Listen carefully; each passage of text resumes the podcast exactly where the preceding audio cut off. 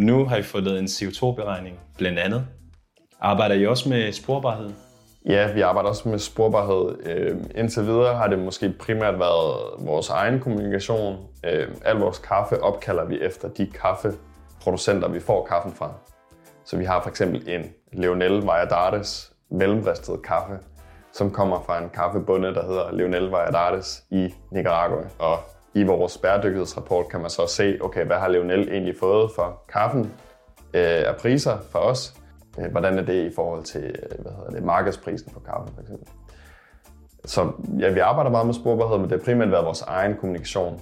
Øh, og nu er vi faktisk også ved at kigge ind i lidt mere, øh, faktisk som min kollega Rasmus, i dag der er han til noget øh, oplæg omkring noget blockchain-teknologi i forhold til at være mere transparente omkring ens værdikæde, altså hvor man i vores tilfælde, hvor vi får kaffen fra.